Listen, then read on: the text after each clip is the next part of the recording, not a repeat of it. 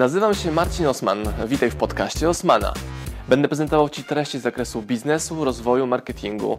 Będzie również dużo o książkach, bo jestem autorem i wydawcą. Celem mojego podcastu jest to, żebyś zdobywał praktyczną wiedzę. A zatem słuchaj i działaj. Marcin Osman. Za każdym razem, jak e, przyjeżdżam w okolice rodzinne, teraz jestem pod Krakowem, na Balicach, gdzie mieszkałem, jak mieszkałem w Krakowie. I jestem sobie teraz nad Kryspinowem, takie jeziorko. I przyjeżdżałem tutaj, jak mi było na maksa źle, jak byłem na studiach, jak już miałem samochód, więc w jakimś trzecim, czwartym roku studiów, w środku nocy, porozkminiać na temat życia. Nie miałem w ogóle pojęcia, co ja chcę, jak ja chcę, z kim ja chcę. Byłem zupełnie innym Marcinem wtedy. No, to chyba o tym mówiłem. Marcinem o niskiej samoocenie, bardzo niskim poziomie własnej wartości. To jest super, super ciekawe, biorąc pod uwagę to, jaki teraz jestem, jak o sobie myślę i jak to u mnie działa. Tak można było dokumentować wtedy, ja, jaki byłem, nie? Że w momencie, jak nie jestem pewien, jak to ma wszystko być, zaczynam dokumentować i mogłem sobie otworzyć taką playkę, jak na przykład nagrywam takie sfrustrowane wideo, będąc sobie tutaj w nocy nad tym jeziorem sam i może tu właśnie powstawały moje jakieś najważniejsze decyzje życiowe, więc jestem znowu ciekaw, jak to będzie, jak sobie obejrzę swoje wideo, które dla Was już tworzę za te 5, 10 lat, 15, 20, gdzie znowu będę zupełnie, zupełnie, zupełnie inny niż jestem teraz. No, taka myśl, taka myśl. A jadąc tutaj, słuchałem sobie wideo Garego. Rzadko słucham Garego, czy rzadko słucham w sumie czegokolwiek, oprócz siebie. True story, true story. Em, Ci, którzy wiedzą, rozumieją o co chodzi. Chodzi o to, że po prostu oglądam swoje materiały, żeby być jeszcze lepszym w kolejnych materiałach, które tworzę. Więc nagrywam i później edytuję. Nie, nie edytuję, już, już oglądam po edycji.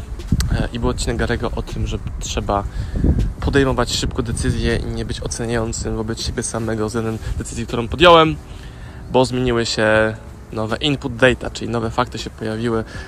Przez to decyzja podjęta kiedyś może być postrzegana jako błędna decyzja dzisiaj, ale wtedy była najlepszą decyzją, jaką mogłeś podjąć i no, to jest super ciekawe, że trenuje się w szybkich decyzjach, bum, idziemy w prawo, bum, idziemy w lewo, ale czasami mam tematy, które rozkminiam e, długo, ale wtedy, ale wtedy do gry wkracza mój niezastąpiony wspólnik życiowy biznesowy Kamila Kruk, która robi takie push, push, push, push, push, push.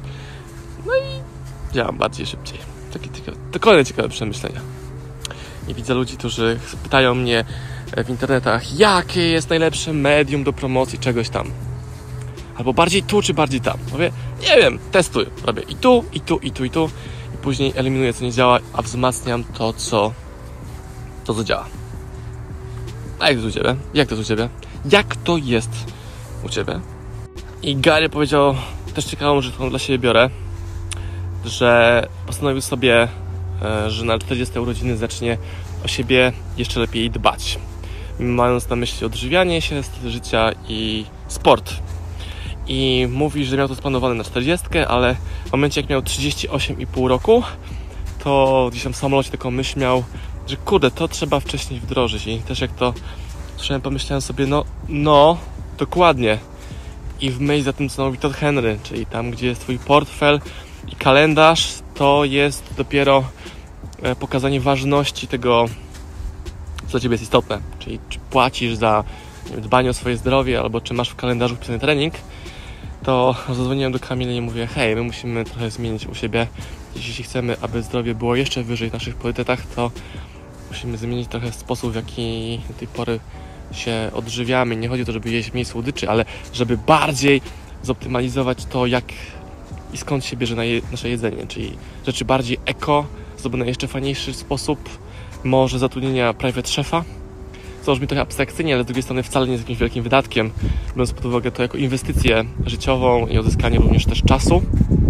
W sumie nie znam nikogo, kto ma private szefa, teraz myślę. Hmm. Też o czym świadczy, nie? Że nie mam znajomych, którzy mają private szefów, którzy im gotują. Nie chodzi mi o jakąś panią Krysię, która gotuje schabowy na, na, na obiad, ale to jest też do, do, do wdrożenia. Więc to, co będziemy wdrażali, to właśnie takie małe rzeczy, które mogą mieć ogromne znaczenie. No bo co jest ważniejsze? Inwestowanie w swój dom, tylko mury, na pewno nie, a zainwestowanie 2, 3, 4, 5 tysięcy miesięcznie w swoje jedzenie, które byłoby w sumie super eko i robione przez kogoś, byłoby kosmosem, nie? I znowu słyszysz, że Osman ma prawie trzefa, jak to się wydarzy. I to brzmi kosmicznie, nawet dla mnie teraz, ale to ma sens. Ma sens.